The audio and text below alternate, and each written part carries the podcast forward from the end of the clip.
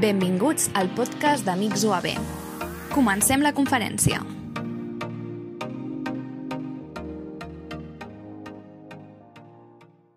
Bon dia, benvinguts i benvingudes al channel del professorat davant el Covid d'Amics de la UAB. I eh, avui estem aquí per parlar de, del tema el professorat davant el Covid i eh, les persones que participarem en aquesta taula per debatre aquesta, aquest tema eh, eh, seran eh, la Carlota Hernández, l'Anna Palència, l'Anna Cros, el Joaquín Gairín i jo mateixa, Marta Bertran, que faré de, de moderadora. Um, us presento, faré una breu introducció de les persones que intervindran. En primer lloc, la Carlota Hernández i la Anna Palència, que són dues mestres que dirigeixen el bloc educatiu Dos Professionals Puros, on comparteixen recursos, idees, jocs, activitats, a part de dissenyar formacions i que té molt èxit, no? està molt, consult, molt consultat i eh, ara ja, parlant més de la Carlota, eh, és, és mestra d'educació infantil, eh, eh, graduada a la Universitat de Salamanca, on va fer eh, eh, grau d'educació infantil i primària i especialitzada en la menció de, en llengua anglesa i com ella explica, eh, davant la necessitat de perfeccionar aquest anglès, se'n va anar als Estats Units a, a viure un temps per perfeccionar la llengua i en tornar va començar doncs, a, a a incidir àmpliament en tot el que és el món de l'educació, de l'educació viva, que és la seva inspiració. Uh, està en constant formació, segons el que, el que diu, i aprèn contínuament de, de les altres persones. L'Anna Palència, la, la companya amb la que ha creat el, el blog i, i modera el blog de dos professionals puros, uh, és també mestra uh, graduada en educació infantil i primària i posa en valor tot el que ha après de les seves companyes durant les seves diferents experiències que ha anat vivint i, sobretot, el, el fet de despertar, junt amb l'experiència, tot l'aprenentatge i emocions eh, en relació a, al seu alumnat. Això va fer que tingués interès en formar-se en, en psicopedagogia, va, eh, va formar-se en psicopedagogia i aquí estan per, per formar part del debat. Um, Contem també amb l'Anna Cros, professora de, de la Facultat de Ciències de l'Educació de la UAB, concretament del Departament de Didàctica de la Llengua i de la Literatura i de les Ciències Socials. Um, i fa, uh, dona classes, és professora en, la, en, la, um, en educació primària i també en el màster de formació de professorat a la seva recerca s'orienta sobretot a l'ensenyament i aprenentatge de la composició escrita i anàlisi del discurs i té un llarg compromís amb la gestió universitària fent que hagi passat per diferents llocs, no? diferents eh, posicions com a vicedegana de la facultat, eh, com a um, degana de la facultat també, com a vicerrectora de Relacions Institucionals i ara mateix és directora de l'ICE des de l'any 2017 um, uh, on s'ofereixen uh, formació permanent pel professorat no universitari, així com innovació i recerca, de forma que pot ter una visió molt holística no, de tot el que són els processos educatius i del professorat.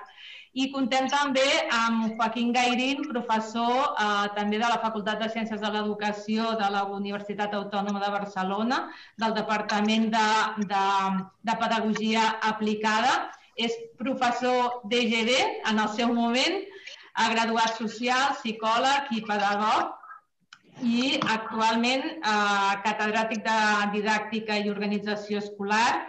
Eh, té també una experiència docent institucional àmplia. Eh, eh, actualment dirigeix projectes de desenvolupament social i educatiu, organitzacional, canvi educatiu i lideratge, a TIC i és coordinador del clúster en educació i formació de la UAB i del, de l'equip bueno, del grup de recerca EDO, ara CRIEDO, i uh, ha estat també, uh, ha tingut també una àmplia uh, compromís de gestió institucional dintre de la universitat, sent també degà dues vegades, no? fins recentment, um, uh, i uh, ocupant també llocs de direcció de, depart de departament universitari i també de l'ISTE. Podem aportar també una visió holística de tot el que té a veure amb l'experiència del professorat i també des de l'altra perspectiva, que és la, la formació del professorat. Per iniciar aquest debat o aquesta eh, conversa eh, sobre com, no, que, què ha passat o quina és la situació del professorat davant aquesta situació que hem, ens ha tocat viure, com és la, la incidència d'aquesta pandèmia que ningú esperava en el seu moment, no? Doncs eh, voldríem iniciar amb una pregunta o amb una, amb una formulació en relació, sobretot, tornant a, que, a aquesta primavera que vam viure, en el que tothom va estar a casa seva, no? tota la, la professió eh, docent, fos en l'àmbit que fos educatiu, eh, es va haver de realitzar estrictament cadascú des de casa seva no? i en aquells moments va començar a sorgir moltes opinions, uh, sobre què succeïa, què estava passant, i algunes de les veus, alguns dels fòrums, una de, la, una, alguna de les idees que era recurrent era que aquest curs 2019-2020 era o anava a ser un curs perdut per, per l'alumnat que no podia realitzar els aprenentatges que tocarien eh, com hauria estat amb un, amb un altre tipus d'anys. No? Doncs, eh, si us sembla, comencem amb aquesta pregunta. Quin, coneixe, quin coneixement teniu sobre el que va passar i quina valoració en feu en relació a aquesta idea de si va ser un curs, un curs perdut o com, com valoreu aquesta situació.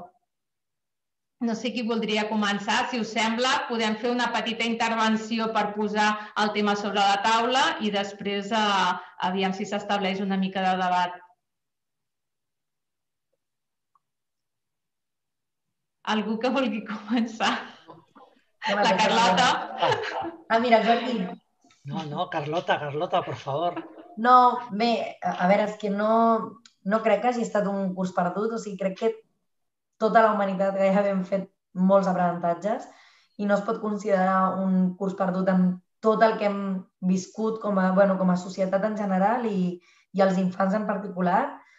Potser no han estat els aprenentatges mm, previst, previstos, no? però és a dir, no, no, la veritat que em, em feia bastanta ràbia quan a vegades algunes veus deien això perquè jo veia que tots els infants estaven aprenent un munt de coses, de vivències, d'experiències, de coses que mai oblidaran, molt més que algunes coses que a vegades es fan a l'escola. Eh, I no, no, no em cabia al cap això de, de, de que algú arribés a pensar que podia ser un curs perdut. I també eh, va ser un curs en el que els equips eh, es van haver, bueno, vam anar a una, no? El, doncs el, el profe o la profe que dominava de noves tecnologies ajudava aquell que li costava més. És a dir, va ser un curs que jo almenys, infantil, ostres, em va donar la sensació que vam fer més pinya eh, tots aquells mesos que durant el curs, no? que a vegades eh, hi ha coses que no... Bueno, que, que ni saludes a, a, a la profe que tens al costat perquè va estar enfeinada i va ser un curs que ens vam ajudar molt, que tothom va posar en pràctica el que sabia i el que no t'ajudava. O sigui, va, va ser un curs, ostres, molt emotiu alhora, no?, també, a nivell de professorat, em refereixo. Joaquín? Bueno, a ver, desde el meu punt de vista, siempre se aprende alguna qüestió. Eh? Mai tot és perfecte eh, ni el que fem ni el que volen aprendre i, per tant, sempre s'aprèn d'alguna qüestió. Però si nos referim a l'alumnat, i per portar una mica la contrària, eh, jo crec que acadèmicament sí que en part és un curs perdut, perquè lo aconseguit en les finalitats de la institució escolar, que és eh, l'aprenentatge, eh, en aquesta part eh, jo crec que s'ha aconseguit menys del proposat. Eh? Eh, és més, jo diria que el que s'ha aconseguit és de pitjor qualitat, perquè les circumstàncies lo han d'alguna manera eh, potenciat. Ara, això no vol dir que el balanç siga negatiu, perquè, a més a més de l'estrictament acadèmic d'aprenentatges, hi ha qüestió d'aprenentatges personals. Eh, han après moltes coses com a persones, els estudiants entre altres la vulnerabilitat de les persones ante les circumstàncies, la necessitat de treballar col·lectivament, com us deia, per apoyar-nos, eh, que existen diferències socials i afecten de manera desigual, que l'autocontrol de les situacions també depèn d'un mateix. Tant, hi ha aprenentatges personals, però també hi ha aprenentatges familiars, eh? eh, noves relacions dins de les famílies eh, han aparegut interessos que no es coneixien, inclús hi ha aprenentatges socials. Segurament, eh, si no hi ha, en els pròxims anys, habrá molts llibres de psicòlogos, sociòlogos, politòlogos i altres estudiosos del fet social, del control social, com es pot controlar una societat del govern col·lectiu en situacions de crisi. Vull dir que eh, els estudiants no han après, des del meu punt de vista, tot el que podrien aprendre en una situació normalitzada, però han après, eh, han que també formen part del bagatge personal. Caram, Joaquín, després de les vostres intervencions, jo, jo també crec que no és un curs perdut. Va ser un curs irregular, va ser un curs molt complicat, un curs on el, el, el conjunt del professorat va fer el que va poder i es va veure aquests aspectes positius que dèieu vosaltres, no? de la capacitat d'adequar-se ràpidament a les, a noves circumstàncies no previstes i de, per les quals no estaven preparades, no? l'augment la, de la cohesió, eh, els aprenentatges dels estudiants han estat irregulars, però per mi potser el més preocupant del que ha passat en aquest curs passat i que parcialment està passant també ara durant aquest curs ha estat l'explicitació mm, clarament de problemes que ja existien prèviament, que són els problemes relacionats amb, la, amb les desigualtats, amb la inequitat, amb la segregació escolar. Jo crec que, sobretot, el segon semestre de l'any passat es va veure d'una manera claríssima com eh, el, la, el, els estudiants, sobretot en l'educació infantil, primària i secundària, que estaven en una situació de més vulnerabilitat, quedaven clarament marcats i clarament, si no despenjats del tot, en tot cas amb moltes dificultats per poder per poder continuar enganxats i implicats amb els aprenentatges. No? I això va des dels problemes de connexió, però no només aquest, sinó la necessitat d'acompanyament que tenen tots els estudiants, que de vegades les famílies no poden proporcionar i que, més, per molts, per, per molts d'aquests estudiants anar a l'escola o anar a l'institut és una vàlvula, és una vàlvula de, de, de, de, de, de conèixer coses noves i de poder-se implicar amb els coneixements. Llavors, jo, per mi això és una de les coses més preocupants, més que no pas haver après des del punt de vista dels coneixements acadèmics, podríem dir, més o menys coses. No sé si voleu comentar-vos alguna cosa entre vosaltres o respondre. Bueno, jo... Potser l'Anna i la Carlota per, per dir... Per al·lusions. No, no, és broma, però molt d'acord en general amb el que heu dit. Sí que també crec que ha posat una mica... Abans el Joaquim deia eh, els aprenentatges han sigut de pitjor qualitat o pitjor dels que havien d'arribar. Potser també, bueno, jo crec que molts mestres mm, s'ha posat en valor el tema de què s'ha d'aprendre, no? És a dir, tots, tots aquests altres, aquests altres aprenentatges que hi ha el Joaquim que s'han après, a vegades estaven més, a, més aparcats i, bueno, per nosaltres o la nostra visió de l'educació cap on va, el mercat laboral, tot com a persones nosaltres, potser ens ha fet veure que no tot el que creiem que era uix, mm, bàsic no ho era tant, no? És a dir, hem d'anar també, bueno, sopesant aquestes coses. I el que diu l'Anna Cross, eh, també molt d'acord, nosaltres sempre hem sigut molt defensores de que les escoles havien d'obrir de la manera que fos, de la manera més segura possible, com com es vulgui, però saps això de... Hi havia també una corrent de no, no obrim escoles. A veure, un moment.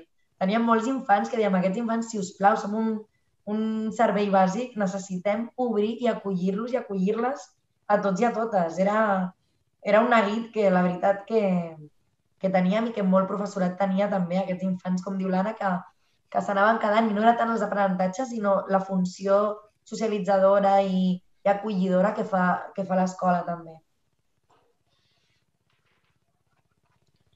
Des del meu punt de vista, eh, ja que s'està parlant del tema, clar, aquí fent observacions, comentaris eh, en caràcter general. Eh, jo crec que una cosa que hem après és que caldrà matitzar en circumstàncies particulars. Eh, no és el mateix els professors, els alumnes dels primers cursos que els alumnes d'ensenyament mitjà o a nivell universitari. I tampoc serà el mateix en zones rurals que en zones urbanes. Vull dir que eh, jo crec que eh, que fem aquí, no podem fer una altra qüestió, és eh, observacions de caràcter general. Però el que sí que des del meu punt de vista, passa en aquestes situacions és que les diferències eh, augmenten. Eh, I les diferències, com deia l'Anna Cross, que existeixen, augmenten entre eh, classes socials, entre eh, ubicacions geogràfiques, entre tipologies de carreres, eh, bueno, eh, i per tant, eh, que voldria cridar l'atenció és que recuperar una situació que tenien eh, suposa no mesures generals, sinó a més a més entrar en les particularitats, eh, perquè són les que finalment afecten a les persones i les que marquen la diferència entre el que ha significat una situació d'aquest tipus per a un col·lectiu i com això s'ha viscut en determinades famílies, en determinades persones i en determinades circumstàncies. I seguint en la mateixa línia, no, el, el que diu el Joaquín, eh, clar, jo parlava amb companyes i, clar, és que tothom ha, ha viscut una realitat diferent. Una cosa és, doncs, la, bueno, jo parlava amb famílies que em deien ah, doncs el confinament ens ha anat molt bé perquè ara estem teletreballant, podem estar amb els nostres fills i això, doncs, en el dia a dia ho tenim més complicat, no? Però, clar, també hi ha d'altres famílies que, bueno, que, que no, no, no poden dir això o que, que els, els infants realment necessitaven en aqu aquesta escola perquè estaven abandonats. Llavors, clar, és, és molt difícil, com dir una opinió general, s'ha de veure cada cas, eh, s'ha de veure cada cas, no?, una miqueta, i, i cada realitat, cada, cada zona, cada família, cada tot. Una mica el que deia també la Carlota. Sí, però jo crec que... No, vull dir que sí, que estic d'acord amb el, tot el que dèieu. Eh? Uh, torno a una cosa interessant que, que heu dit abans, que has dit tu, Carlota, que és que una cosa que potser sí que es pot generalitzar, no? que jo crec que, que tot el professorat, de tots els nivells educatius, hem hagut de, de pensar que és allò que és nuclear, no? que és allò que és bàsic, que és allò que és nuclear, tant pel que fa als, el, els aprenentatges, els continguts, podríem dir, com pel que fa a la manera de relacionar-los amb, amb els estudiants, a la manera d'acompanyar-los, a, a la manera d'intentar personalitzar o individualitzar al màxim el nostre suport i a la manera de relacionar-nos amb les famílies. Jo crec que tots hem hagut de fer un esforç molt important i segurament això ha estat útil, no? de dir, a veure, anem allò absolutament essencial.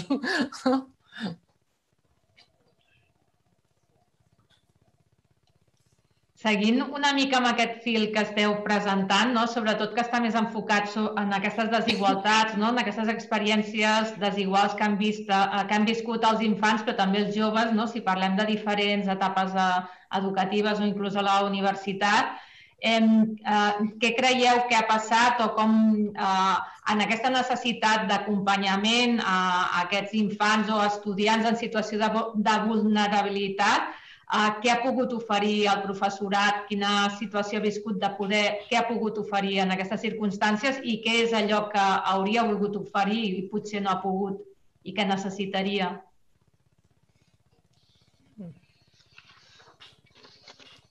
Bueno, és complicat. Bueno, parlaré jo perquè així comencem, no?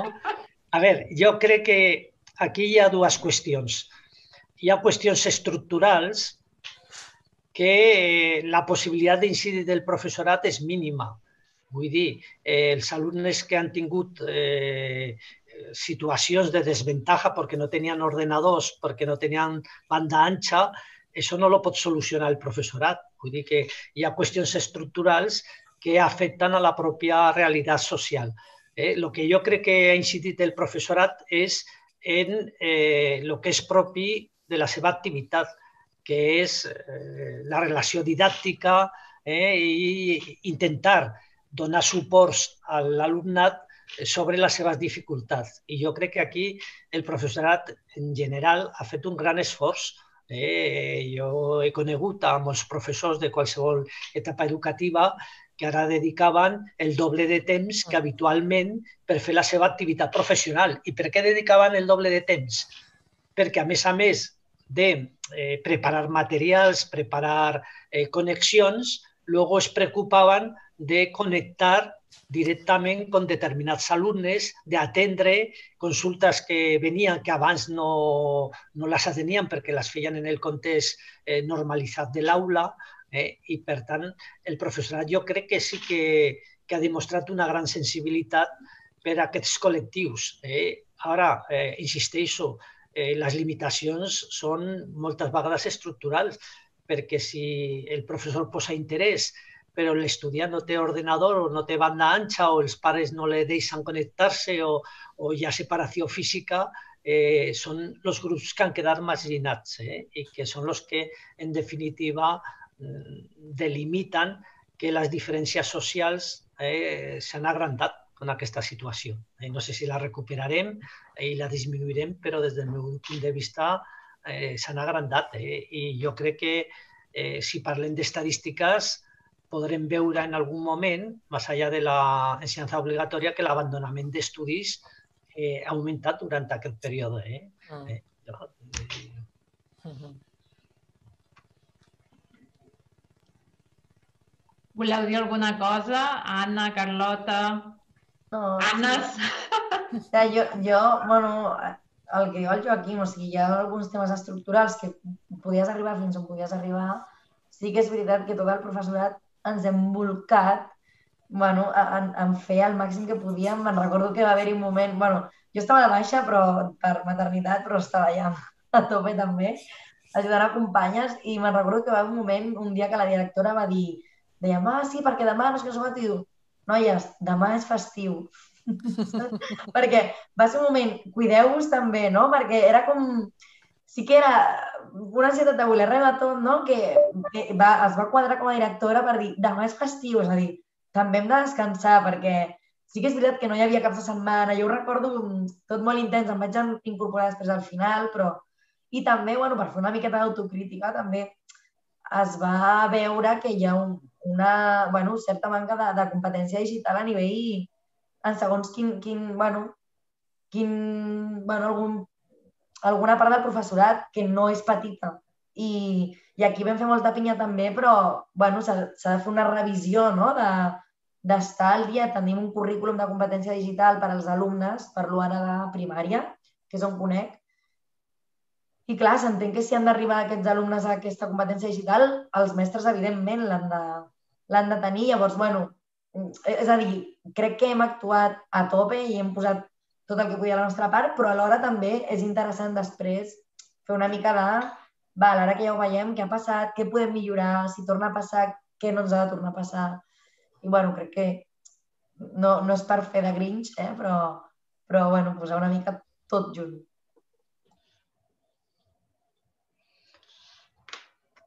Hombre, potser seria interessant, i lo dic de cara a, a les autoritats en el seu moment, Eh, recuperar estadístiques de com ha viscut l'alumnat i el professorat eh, aquesta situació.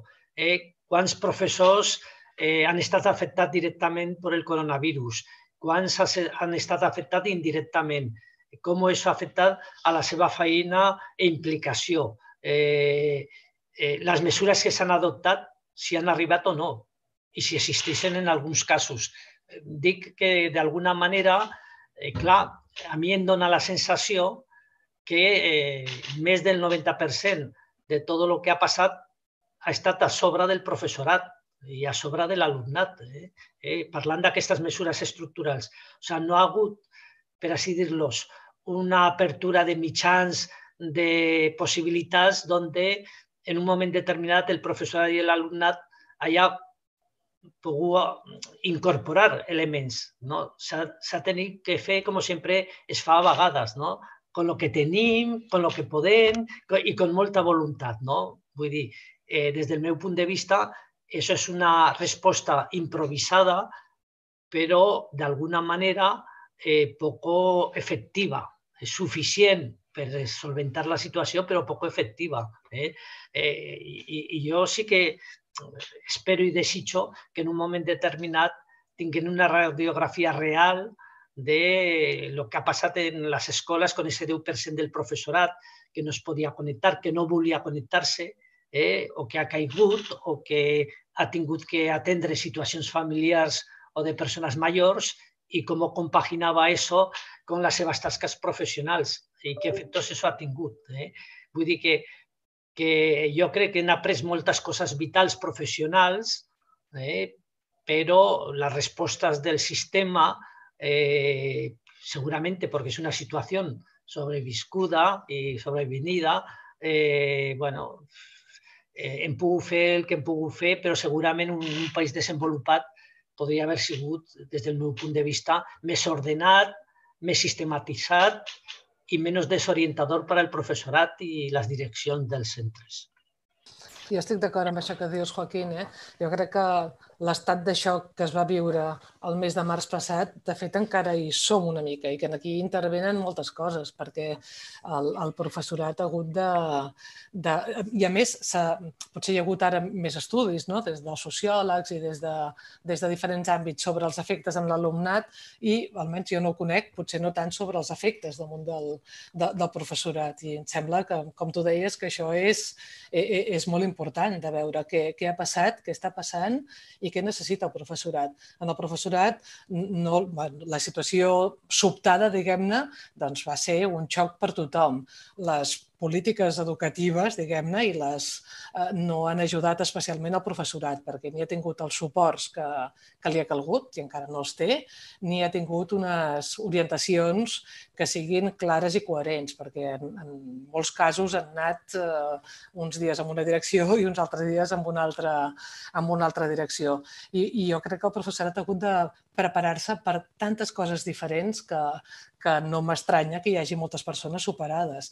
Abans comentàveu ja només una qüestió que hauria de ser purament instrumental, que és la, la competència digital. Això hauria de ser el, el, el menys important. Per això, tant tots els ICES, totes les universitats, des del mes de març hem, hem, hem ofert perquè calia eh, infinitat de, de, de formacions pel professorat instrumentals, no? aquest caràcter instrumental i, i encara tenim moltíssimes demandes. Tant del I seguim professorat... oferint, és el que Ens seguim oferint perquè tenim moltíssimes demandes, tant del professorat no universitari com del professorat universitari.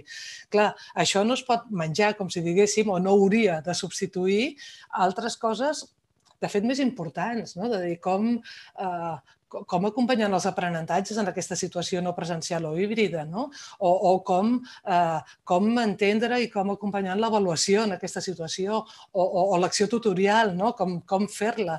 Aquests serien aspectes més, més, més, més, més nuclears no? i més, més importants perquè els ensenyaments i els aprenentatges funcionin i encara estem oferint i fent cursos per veure si en el Zoom podem fer grups, si el Teams ens permet connectar-nos a no sé quants, no? És a dir, que encara, eh, si els Moodles no sé què, i, i vull dir que no, no culpo ningú, eh? però vull dir que, que hem d'aprendre, tots els professors, hem d'atendre tantes coses que, que jo crec que hi ha hagut moments en què tothom ha estat una mica superat. I jo crec que especialment els, en, en l'educació no universitària. Eh? Els, amb els nanos més petits ha estat, tot això és molt complicat.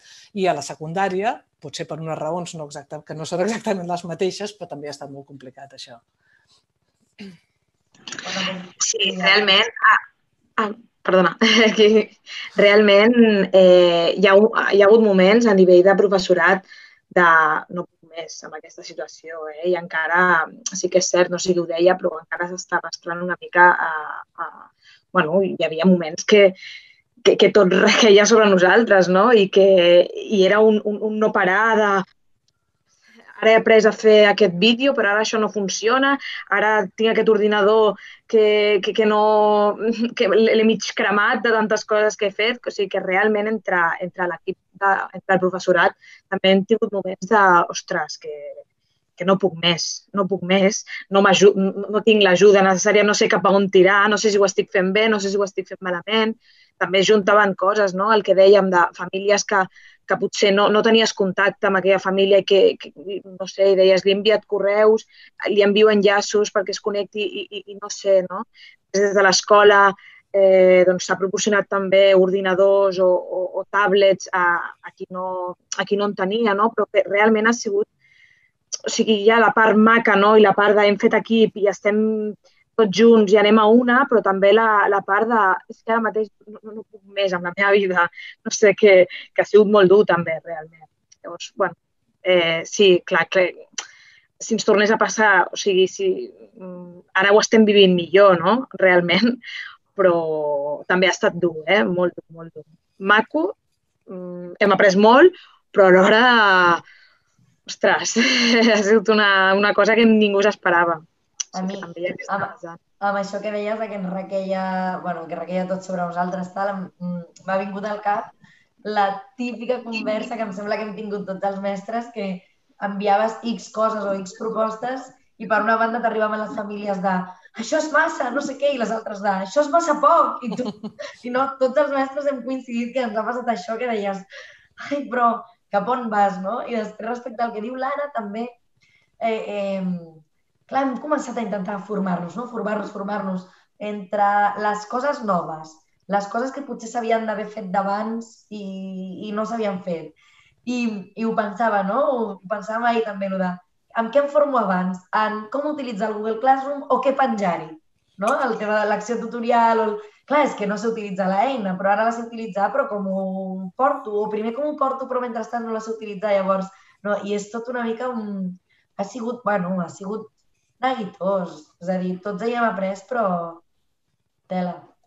Oye, escolta, una pregunta para Lana y la Carlota, ¿eh? como profesoras de APU y tal. Me ha sorprendido lo que ha dicho Lana, que, eh, bueno, y tenían y proporcionaban ordenadores, tablets, aquí no tenía. ¿eh? Eh, yo no sé si eso es una circunstancia del, del teu o dels vostres centres, però no sé si és generalitzable. Eh? En les escoles públiques de molts llocs, eh, no. en, en, zonas de, de, especial dificultad, uno de los problemas ha sigut que no havia, no havia ordenadors per donar els, o facilitar als nens i a vegades una família tenia tres o quatre nens eh, i, i el màxim que podia accedies a un ordenador, eh? però el problema no és solamente professor, perdón, alumnat, també professorat. Eh? Ha hagut professorat que, que bueno, ja no tenia les eines del seu col·legi i tal. Per això una mica la pregunta, si la situació viscuda en el vostre centre de donar suport eh, als estudiants, al professorat, creieu que és general a tot el sistema educatiu? Eh? No, res, eh? No, no ha estat general. No ha estat, en eh, bueno, va fer una crida al departament, a veure si ara no ho recordo malament, va fer una crida de que tot el que tinguéssim, en cas que podíem, ho repartíssim a famílies. En la meva escola no, mm, o sigui, no, tenia, no, és, no és gens alta la demanda, és a dir, no tenim cap problema d'aquests. I sí que tenia, tinc companyes que estaven en altres mm, centres de màxima complexitat o així, sí que van rebre alguns dispositius i tenien dos tipus d'ajuda. La que era eh, d'enviar dispositiu perquè sí que hi havia connexió o de posar connexió o d'ambes dues. I sí que eh, van rebre per gairebé tot l'alumnat, en aquest cas d'aquesta amiga concreta, però no al 100%, com, es van quedar com en un 90, em sembla. Ara ja no sé si ja s'han posat al dia. En el cas del meu centre, amb els dispositius que nosaltres teníem, ja vam arribar al, a la quantitat mínima de famílies que, que necessitaven això. I l'Anna no sé en el, en el meu centre, eh, que no hi ha tanta necessitat com pot haver-hi en altres centres, eh, es va poder... Va ser un procés una mica lent, eh, per això, que van passar setmanes, va ser molt lent. Eh, sí que es va poder habilitar famílies eh, de, que no tenien com connectar-se, no? però va ser molt lent, va ser cap al final del confinament i amb altres, amb altres companyes que hem anat compartint experiències, mm, la, no va ser positiu. El, el, bueno, el... I, I com portar-ho i com no sé què, i ara no es pot, i ara no surts, però ho agafes, però... I molts centres es van quedar sense... es van quedar penjats. Molts, molts, molts, molts. Molts centres, moltes famílies, molts profe molt professorat. Això sí. No hi ha professorat, res. Sí, el que no, no, no, el professorat de... Jo recordo una companya de l'escola que deia jo intento robar wifi de, del veí, saps, a vegades, perquè no... Sí que no, no, no, no. No ha sigut una cosa fàcil, no. Per llançar una llança a favor de l'administració educativa suposo que això també és complicat, perquè se necessitaven tants ordinadors i tantes connexions que que és impossible de fer-ho ràpid, això. La, la necessitat d'ordinadors i de connexió també també ha afectat molt els estudiants universitaris. Eh? La nostra universitat, i m'imagino que totes, han fet convocatòries per, per no? perquè els estudiants que els calia ordinadors o els calien connexions si poguessin acollir, i ara no, no, no recordo eh, la xifra d'ordinadors que s'han repartit, però bastant, bastant elevada. Eh? Que de vegades també pensem que estudiants més grans o els estudiants que accedeixen a la universitat eh, estan més ben equipats i, i no. Sí, sí que podria fer l'efecte això en un primer... Si m'ho diguessis potser et diria, ah, no, però Mm -hmm. No, no. no, no també, també hi ha hagut molts estudiants amb moltes dificultats. Exacte. Sí, sí, ha, ha estat... Bueno.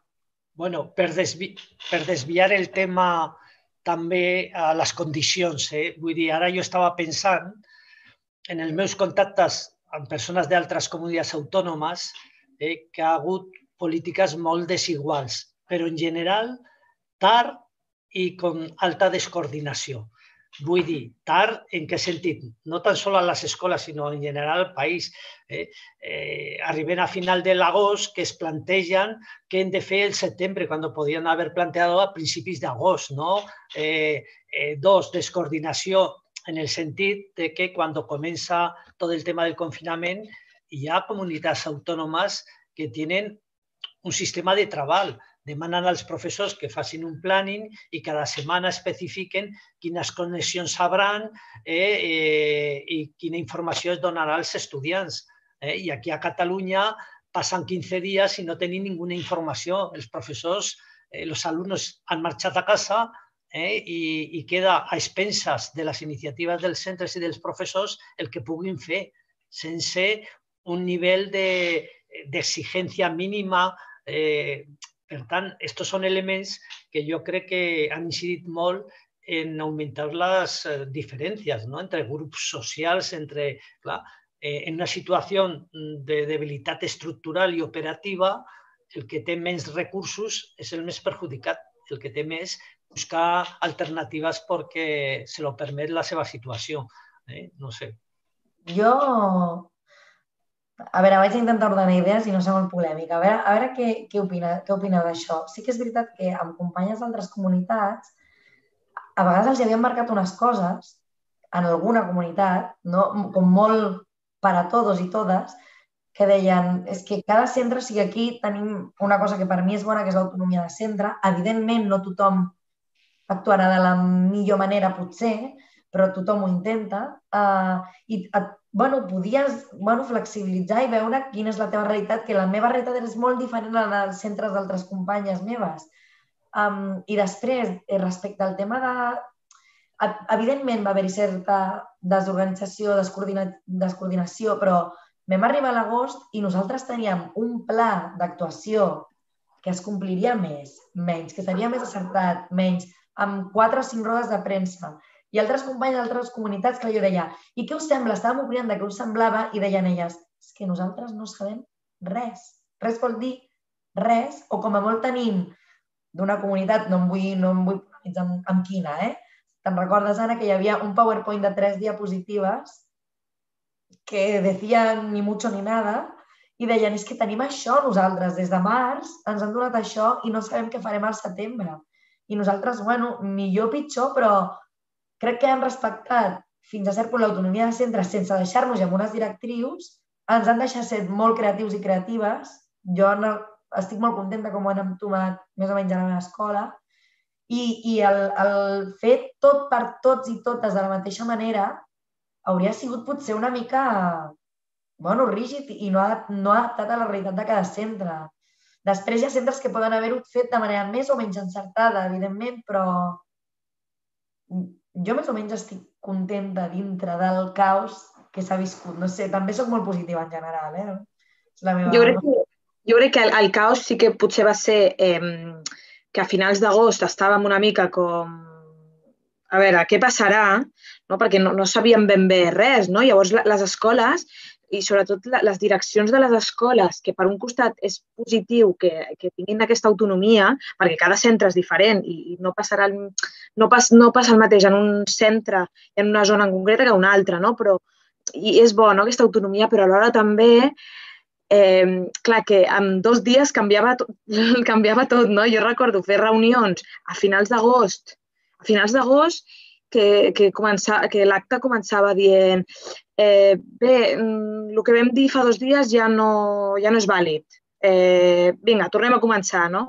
I, I això sí que va generar una mica d'angoixa, una mica d'angoixa, però alhora també eh, penso que cada escola ha pogut adaptar-se una mica a la realitat i aquí sí que el departament ha ajudat bastant a, bueno, a proposar, a dir i, i ha anat bé. Jo també estic contenta amb, que, amb, amb què ha fet l'escola i, i penso que fins i tot ens ha fet replantejar coses que abans doncs, mm, potser no, és, no era la millor manera de fer-ho, no? I dir, ostres, doncs això mm, que ens ha portat tota aquesta situació pandèmica mm, ens ha fet valorar altres coses que abans no, no valoràvem, no?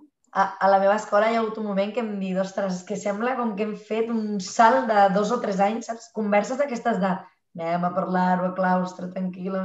No, no, pum, pum, pum, pum, pum, i hem fet ahir un, una avançada que, o sigui, renovar-se o morir, com diuen una mica, no? I, bueno, està, és xulo, també. O sigui, a veure, és xulo. No, és que no, no vull que es malinterpreti, eh? però, bueno, a, a marxes portades, però estem fent una avançada a l'educació que, mm, que està sent guai, també.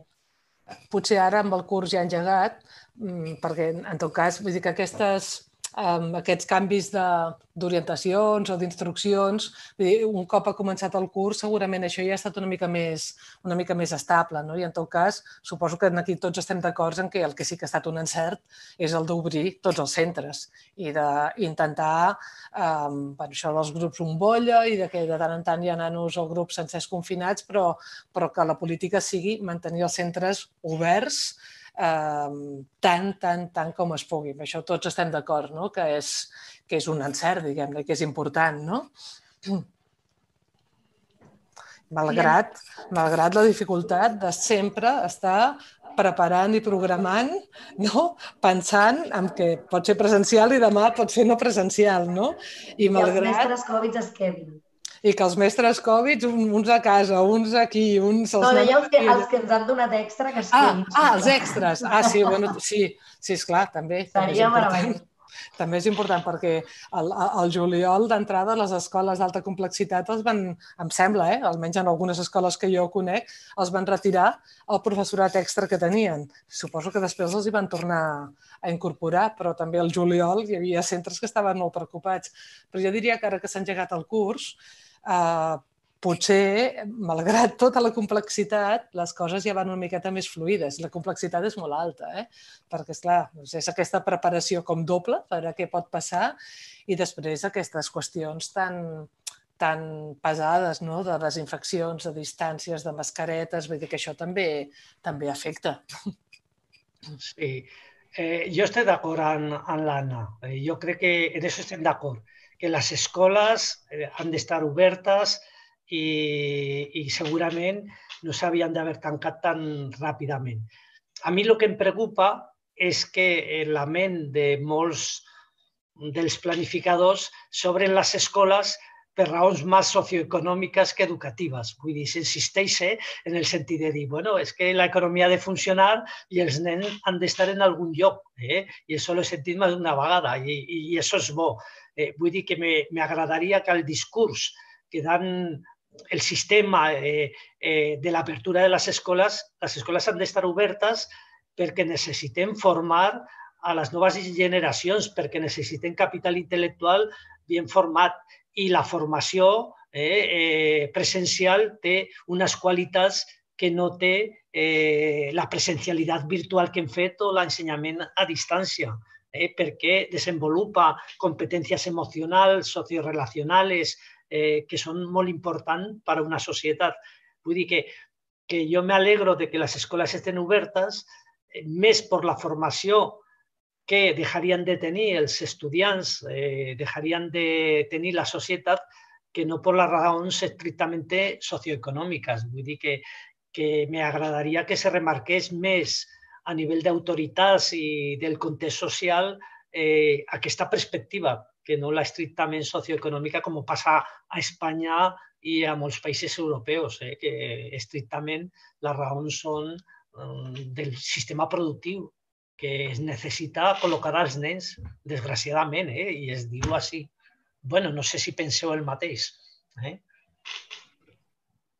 Sí, sí, estic d'acord. Eh? S'ha parlat molt de, de la necessitat de conciliació familiar, etc etc. però jo crec que anar a l'escola o anar a la universitat, eh, és a dir, que l'ensenyament sigui presencial, excepte els estudiants que, que volen estudiar a la UOC, en el cas de la universitat, o que per raons diferents van a l'IOC, a la secundària, que és molt important que és important des de tots els punts de vista, no? des del punt de vista de l'equitat, ho comentàvem abans, des del punt de vista de la necessitat de, dels aprenentatges en relació a la socialització que fan els estudiants quan van a, a, als centres escolars, no? que aprenen a, a socialitzar-se, aprenen a conviure, aprenen a, a acceptar les diferències, etc. i també pels, i també pels aprenentatges. Els aprenentatges eh, presencials eh, tenen, almenys pel, pel professorat que no estem preparat per, per, per ensenyar a distància, segurament ho fem molt millor quan tenim els estudiants al davant. Sí, e, és més per completar el que deia abans. Si lo mirem des del punt de vista negatiu, què està passant a la universitat? En la universitat que ha estat oberta, eh, les situacions d'aïllament per Covid de grups ha sigut mínim eh, mínim, com a mínim, eh, en l'autònoma i en altres universitats. I al final es tanquen les universitats per què? Eh, perquè no hi ha mobilitat de la població. eh, bueno, però entonces estem perdent una formació que per mi és important de cara als estudiants, que no passa res per un mes o dos mesos, però que si dura molt, eh, al final la formació o la formació dels nostres universitaris, eh, donde un any pràcticament no han viscut en la universitat es ressentirà. Vull que eh, reivindico, igual que abran les escoles, que abran les universitats i que es faci ensenyament presencial, perquè poden adoptar mesures eh, que eviten eh, la pandèmia al màxim, però que també eviten eh, els efectes negatius d'aquest bueno, confinament acadèmic, en definitiva bueno, ja? No sé. Jo... En aquest sentit, eh, jo crec que, que estem d'acord, no? La, la presencialitat eh, amb les coses online et perds moltes coses i sí que crec que s'han de dominar, ens hem de seguir formant, hem de seguir buscant, perquè pot passar, no? Estem en pandèmia i probablement en, per estadística ens tocarà estar confinats en algun moment o altre, no? Però es perd molt. O sigui, la, la, és necessari a tots els nivells educatius, sigui, tant a, als petits de P3 com, a, com deia el Joaquín, a la, universitat. És a dir, sí que s'ha de lluitar per aquesta presencialitat perquè és, és, és bàsica, no? A vegades que ens diu la broma que fan, no? Al final, els mestres podreu ser robots. No, és impossible. Mm. els mestres han d'estar allà presencialment perquè, perquè és que si no tot canvia aquí no els tenim gens d'enveja, perquè sí que és veritat que aquí ens salvem nosaltres. En infantil i primària no hi ha molt debat amb aquest tema. sí. Ha de ser presencial, ni que sigui perquè són menors d'edat i no els poden deixar. aquí, no, aquí no hi ha debat.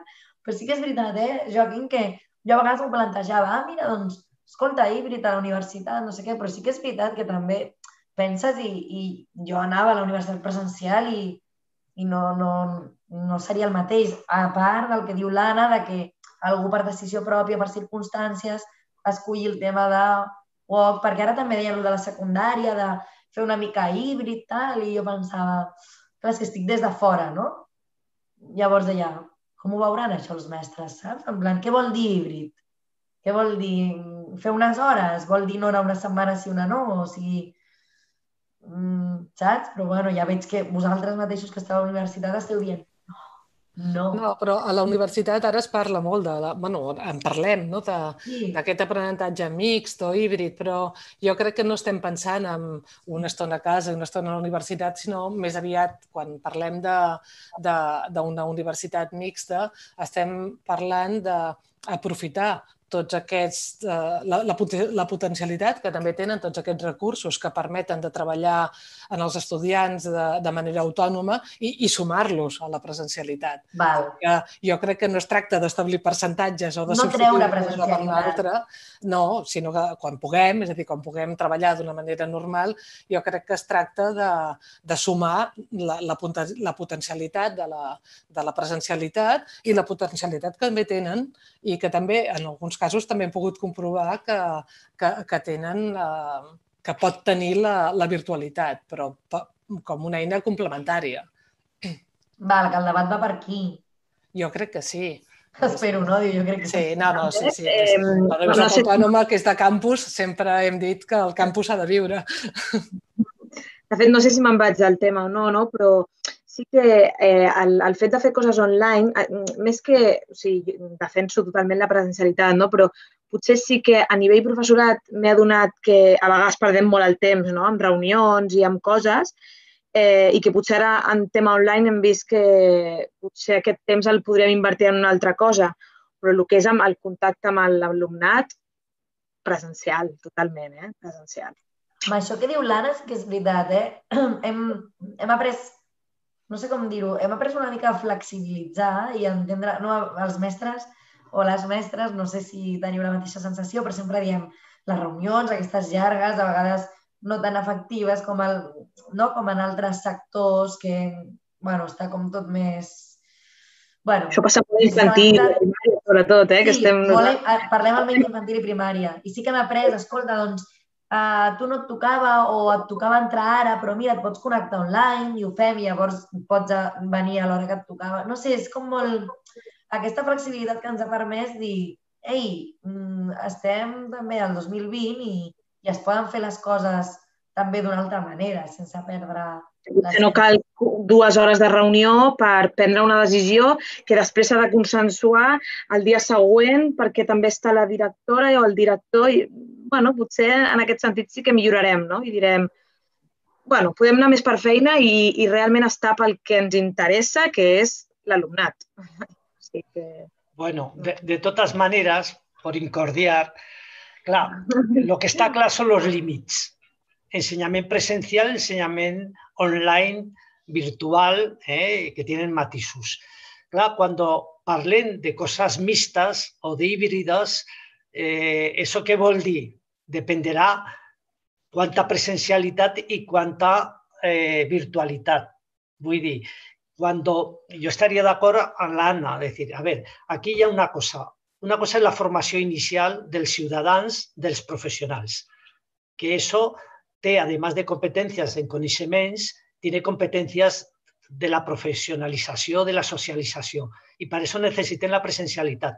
Això no vol que en la presencialitat s'utilitzen aquestes eines per evitar reunions inútils, per eh, buscar informació, per generar debats.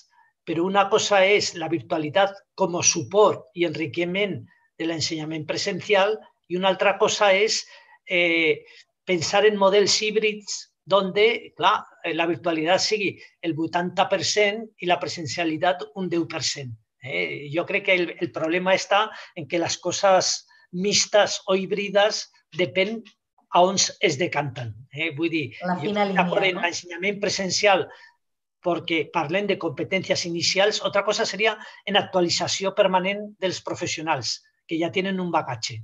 Però en la formació inicial la presencialitat és important i això no vol dir que no utilitzen aquestes eines que cada vegada hem descobert que tenen possibilitats importants eh? i, de fet, es plantegen metodologies. Eh? El Fliper Classroom, no? la classe invertida, bueno, eh, l'escola com a espai de síntesi o de debat no? I, i la informació es pot adquirir fora. Vull dir, però, clar, eh, el, el el core de la presencialitat és eh, bueno, este intercanvi, esta socialització professional, este debat eh, ràpid, íntim, eh, que es pot tenir i que ara el poden tenir perquè són 4 o 5 persones, però si són 70, tenint un 68%, un 80%, eh, que són bueno, la majoria silenciosa, que no sé si està fent crucigrames, està fent correus electrònics. Eh, bueno, això no desenvolupa competències eh, d'aquestes d'interacció. En l'aula és més viu, és més directe, no? Eh? El, el seguiment con los ulls de les persones i el increparles para que participen eh, forma part de la socialització. Per tant, bueno, jo estic d'acord eh, en, el, en, en una modalitat eh, mixta, híbrida, pero en formación inicial, donde parlen de competencias eh, bàsiques que no estan adquirides, eh, la presencialitat seria el marc directriu, eh? l'altre seria un complement. Els complements, exacte. T'he de, de dir que estar connectat a una classe teva mentre envies un mail i acabes un treball que t'han d'entregar al final és multitasking també, eh? Però, no, però fora bromes, que aquí crec que no hi ha debat perquè, bueno, tot i que parlem, parlem molt, però no hi ha debat perquè tots estem a la una que hem d'estar. O sigui, això dels robots és com, sona a ciència-ficció, però que, no. Bueno, perquè és una concepció del professorat eh, com, això, com el d'un robot, no? És a dir, que, que vomita unes coses que ja ha tingut introduïdes abans o que proporciona uns materials que ja estan fets, però, és clar, aprendre, ensenyar i aprendre no consisteix en això. I, per tant, la, la presència, sigui, sigui en directe eh, o sigui virtual del professorat, hauria de ser sempre indiscutible. A la universitat que tenim molts bons profes i d'altres que no tant, eh, sempre hem dit no? que sí, de vegades hi ha professors preocupats perquè els estudiants no van a classe. Dius, home, si poden fer comissions de punts i posar-se d'acord perquè un prengui punts i els altres 70 no cal que vagin a classe, vol dir que realment no cal el professor. No? Ha de fer, hem de fer una feina diferent que no sigui aquesta, no? És dir, que faci, especialment a la universitat, que els estudiants vulguin, tinguin la necessitat d'anar a classe. si us sembla, una mica per anar recollint les idees que, que han anat sorgint, no? que són moltes i molt variades i que han anat sortint, han, han anat eh, transitant per diferents temes, eh, així per concloure una mica, eh, què, què creieu que, o sigui, resumint una mica, què creiem que hem après i que podem aprofitar d'aquesta situació actual de cara al, al, al futur? Què pot què ha après el professorat, què es pot aprofitar per, pels temps que han de venir.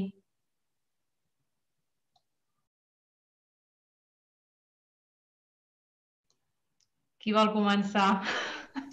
Anem, anem dient idees? bueno, sí. igual, llenço, llenço idees, no? Doncs la, hem après la importància de la capacitat d'adaptació a situacions canviants i de vegades inesperades, per exemple.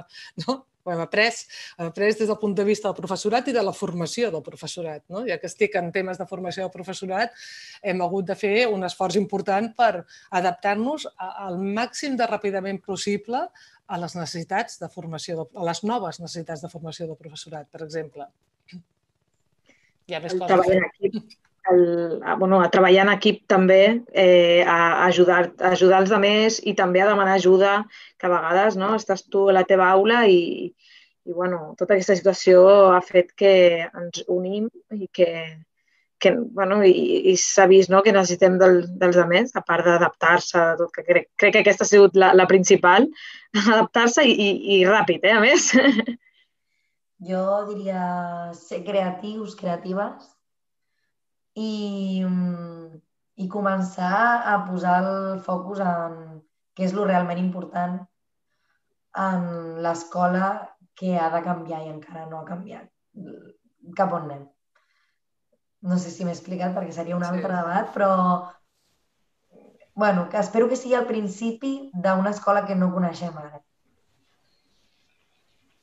Sí, bueno, des del meu punt de vista, jo crec que la realitat és més complexa eh, de la foto que tenim ara eh, i jo crec que supera la nostra imaginació. Per tant, què pot passar en les properes dècades?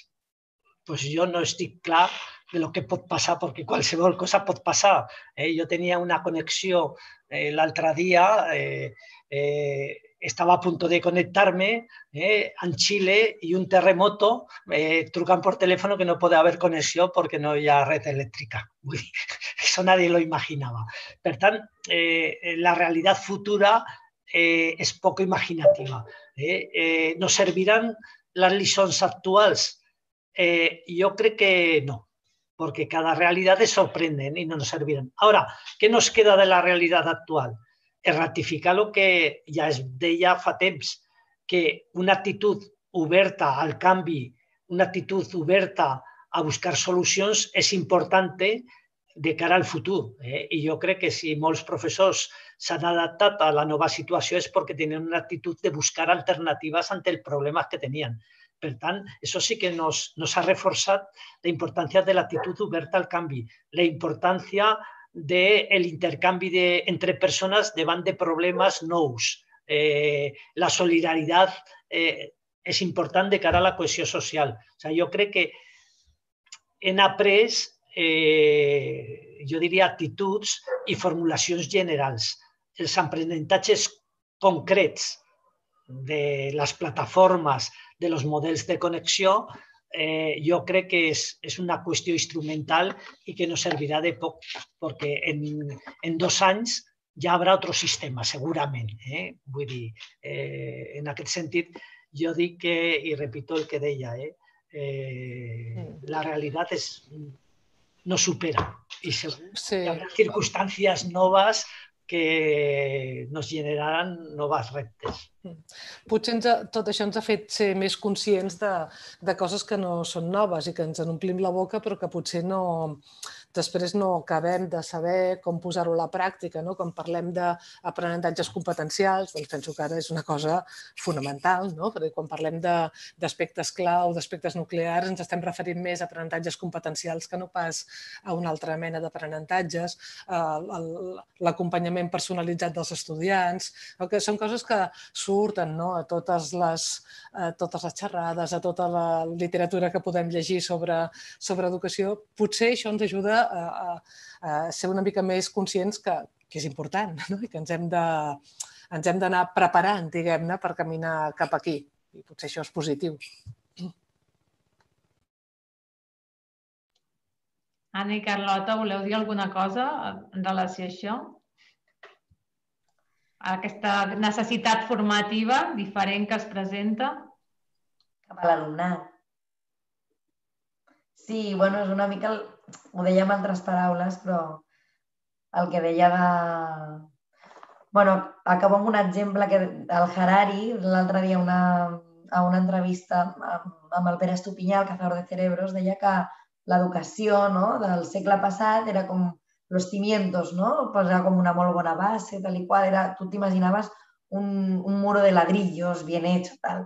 I deia que ara anem cap al concepte carpa, no? O sigui, que l'educació sigui més un, un, una manera d'aprendre a aprendre, el poder ser flexible, no tant els continguts, sinó el com, bueno, com empapar-te del que en aquell moment sigui interessant. Diuen que el 60% de l'alumnat que hi ha ara infantil o primària tindrà feines que ara mateix no existeixen. Llavors, cap on anem, no? El que diu l'Anna de la competencialitat, d'aprendre a aprendre, d'oblidar-nos una mica més de contingut que contingut. Però, bueno, és molt llarg, és que d'una per una altra. Voleu afegir alguna cosa en relació a això final? Doncs, si us sembla, ara seria el torn de, de, les, de les preguntes del, del públic, que ja en tenim algunes, en tenim tres, fetes per la mateixa persona, per la Neus González Montfort. Llavors les faré de, de diferent uh, forma perquè mm, presenta tres temes i per tant els, els aniré desglossant i un que té a veure en relació a aquesta, a aquesta sensació de pinya que heu descrit, no? que heu descrit que, que el professorat eh, um, durant aquesta època, sobretot de confinament i en què havia hagut de fer front a aquestes circumstàncies, doncs que s'havia creat com una, una, una situació de companyonia, no? de, de, d'aprenentatge mutu, de descriure una mica millor aquesta situació i potser poder dir si en les diferents mm, mm, etapes educatives això eh, s'ha viscut de la mateixa manera.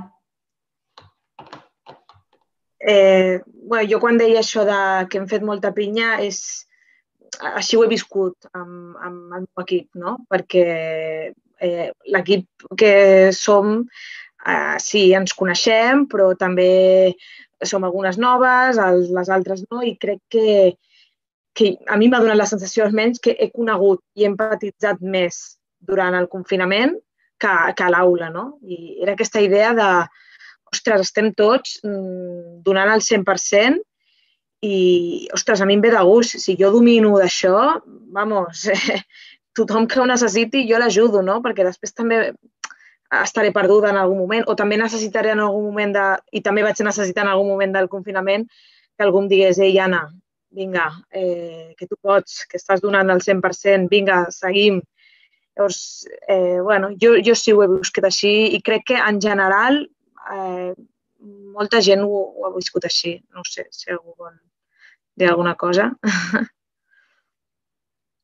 En els equips de treball de l'ICE i en els centres amb, amb, amb qui nosaltres tenim relació, jo crec que això també ha passat molt, no? de, la, el buscar la, la, la cohesió i la, i la complicitat entre els claustres i, i l'ajuda. Que hi ha hagut eh, molts professors que han fet formació dintre dels mateixos claustres, no? de, perquè una persona és més especialista o es veu més en cor no? o coneix més coses. Jo crec que aquesta, com solidaritat interna, diguem-ne, ha, ha funcionat.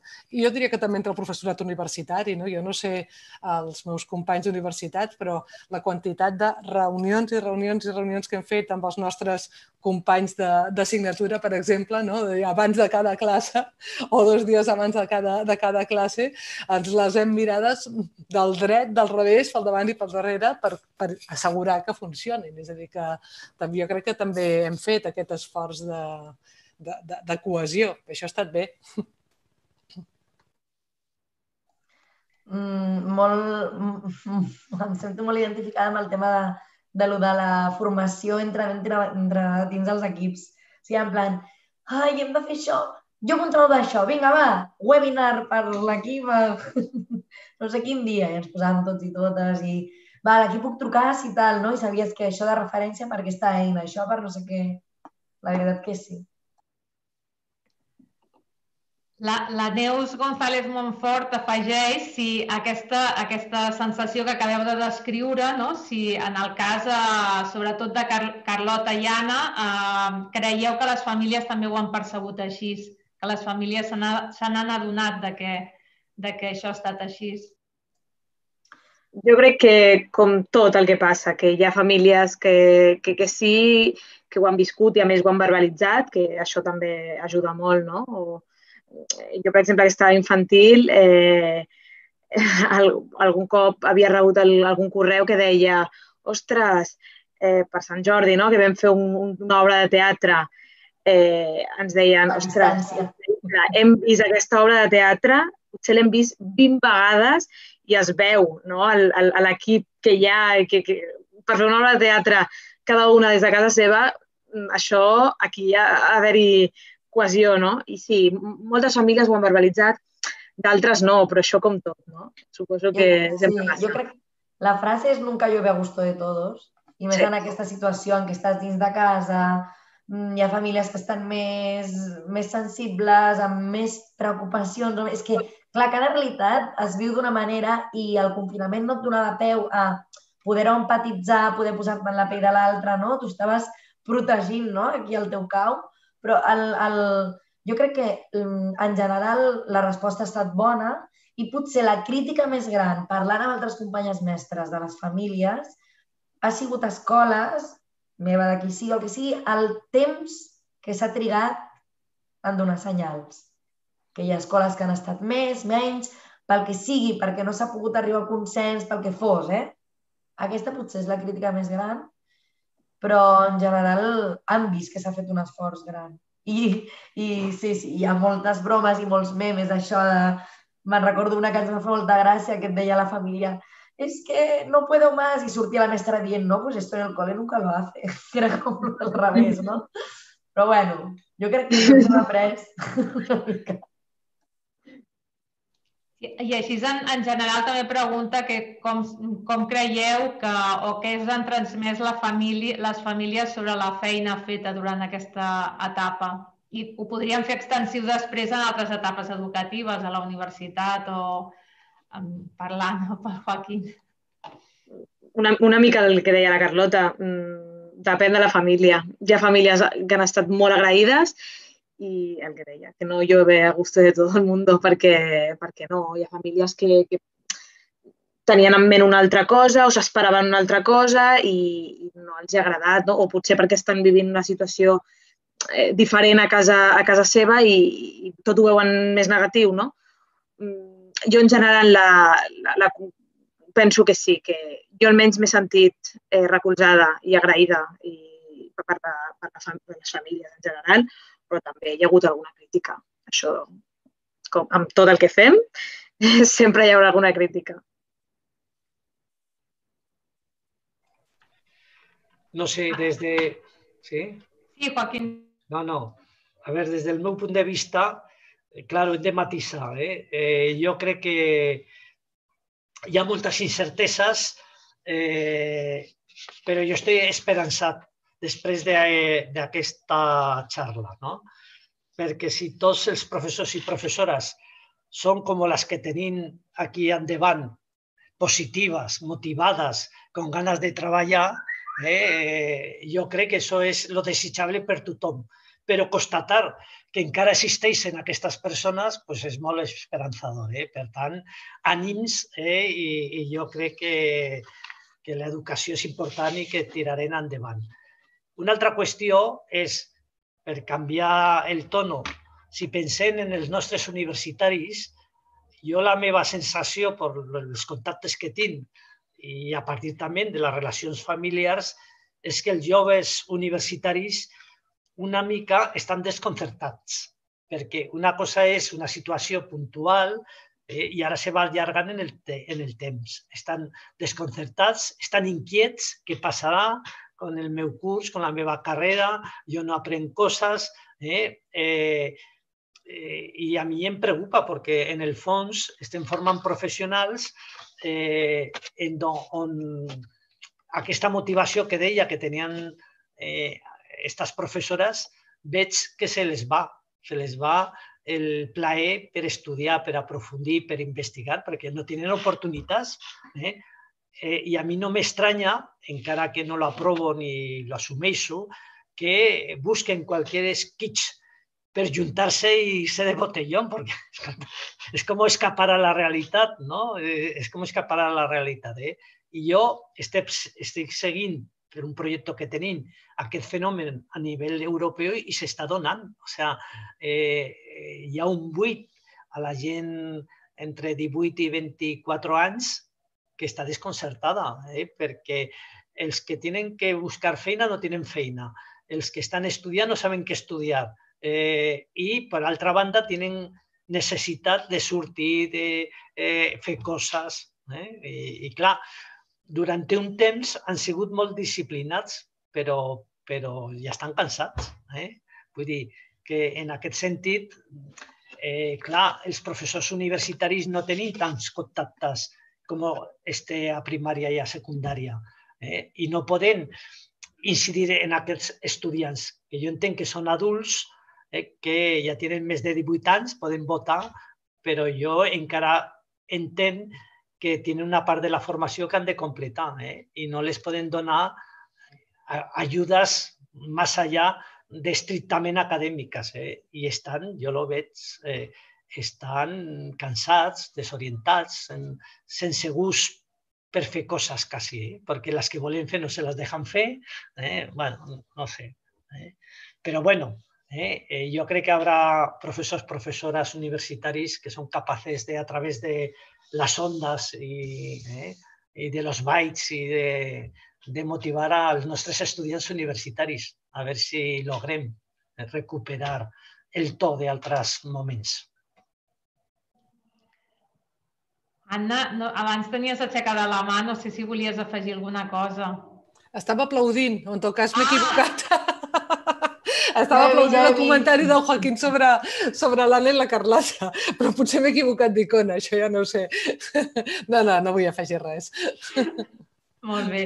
Doncs la pregunta de la Neus González Montfort tenia una tercera part que era uh, sobre la comunicació. Com havia estat la, la comunicació entre mestres i famílies i si de cas després també la podem fer extensiva a potser professorat, alumnat en l'àmbit universitari o altres que coneguem.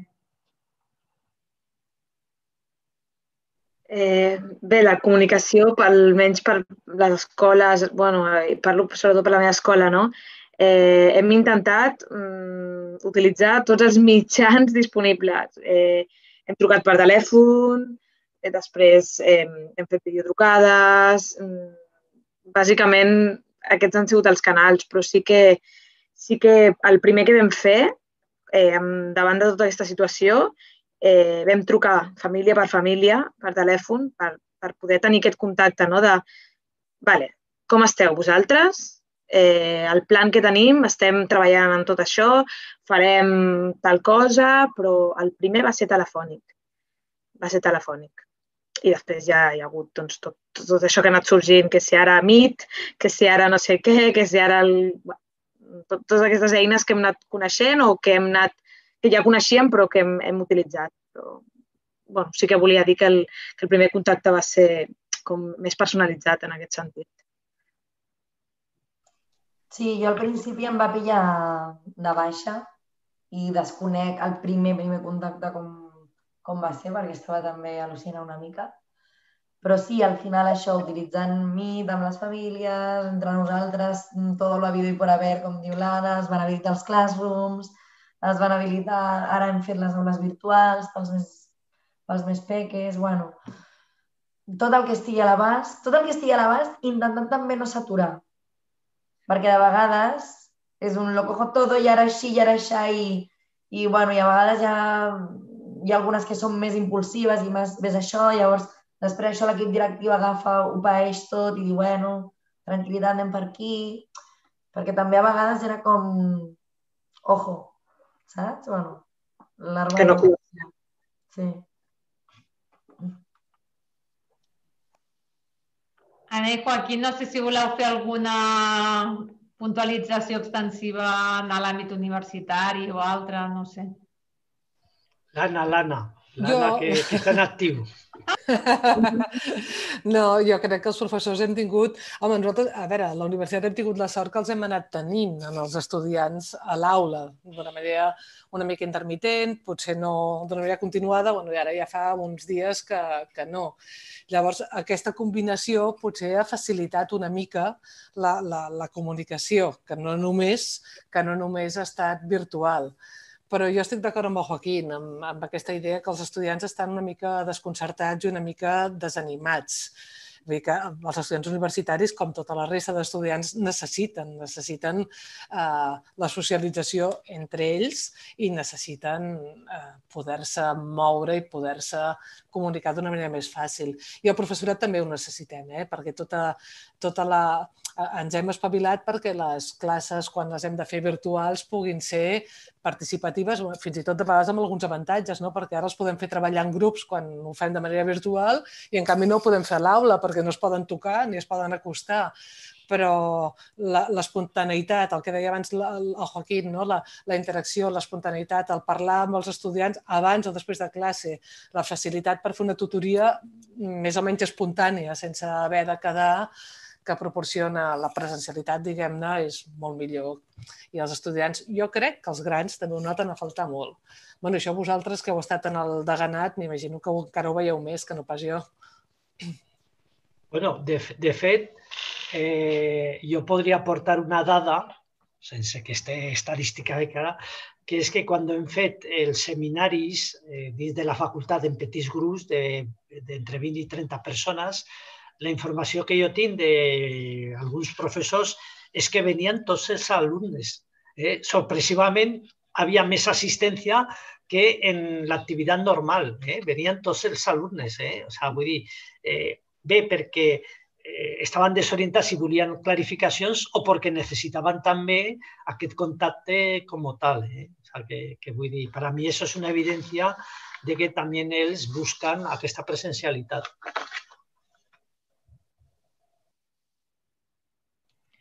Molt bé, doncs ara mateix no, no hi ha més preguntes, no, no, no ens han arribat més preguntes del públic. Si no voleu afegir, si voleu afegir alguna cosa més. si no, donem per acabada doncs, aquest channel, no? professorat davant el Covid. Moltes gràcies a tothom, Anna Palència, Anna Cros, Carlota Hernández i Joaquín Gairín i al públic per escoltar i assistir. Moltes gràcies. Gràcies, Marta, per coordinar-nos. bueno, us heu coordinat soles i sol, eh? Vull dir que heu anat bastant enllaçant. S'ha fet bé, s'ha fet bé. Gràcies. Bueno, pues gràcies als companys i a la coordinadora.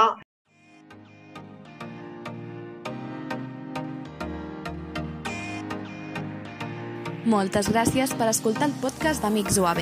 Recordem que podeu veure els vídeos de les jornades a través del nostre canal de YouTube Amics UAB i seguir-nos a les xarxes socials amb el mateix nom per saber totes les novetats. Fins la pròxima!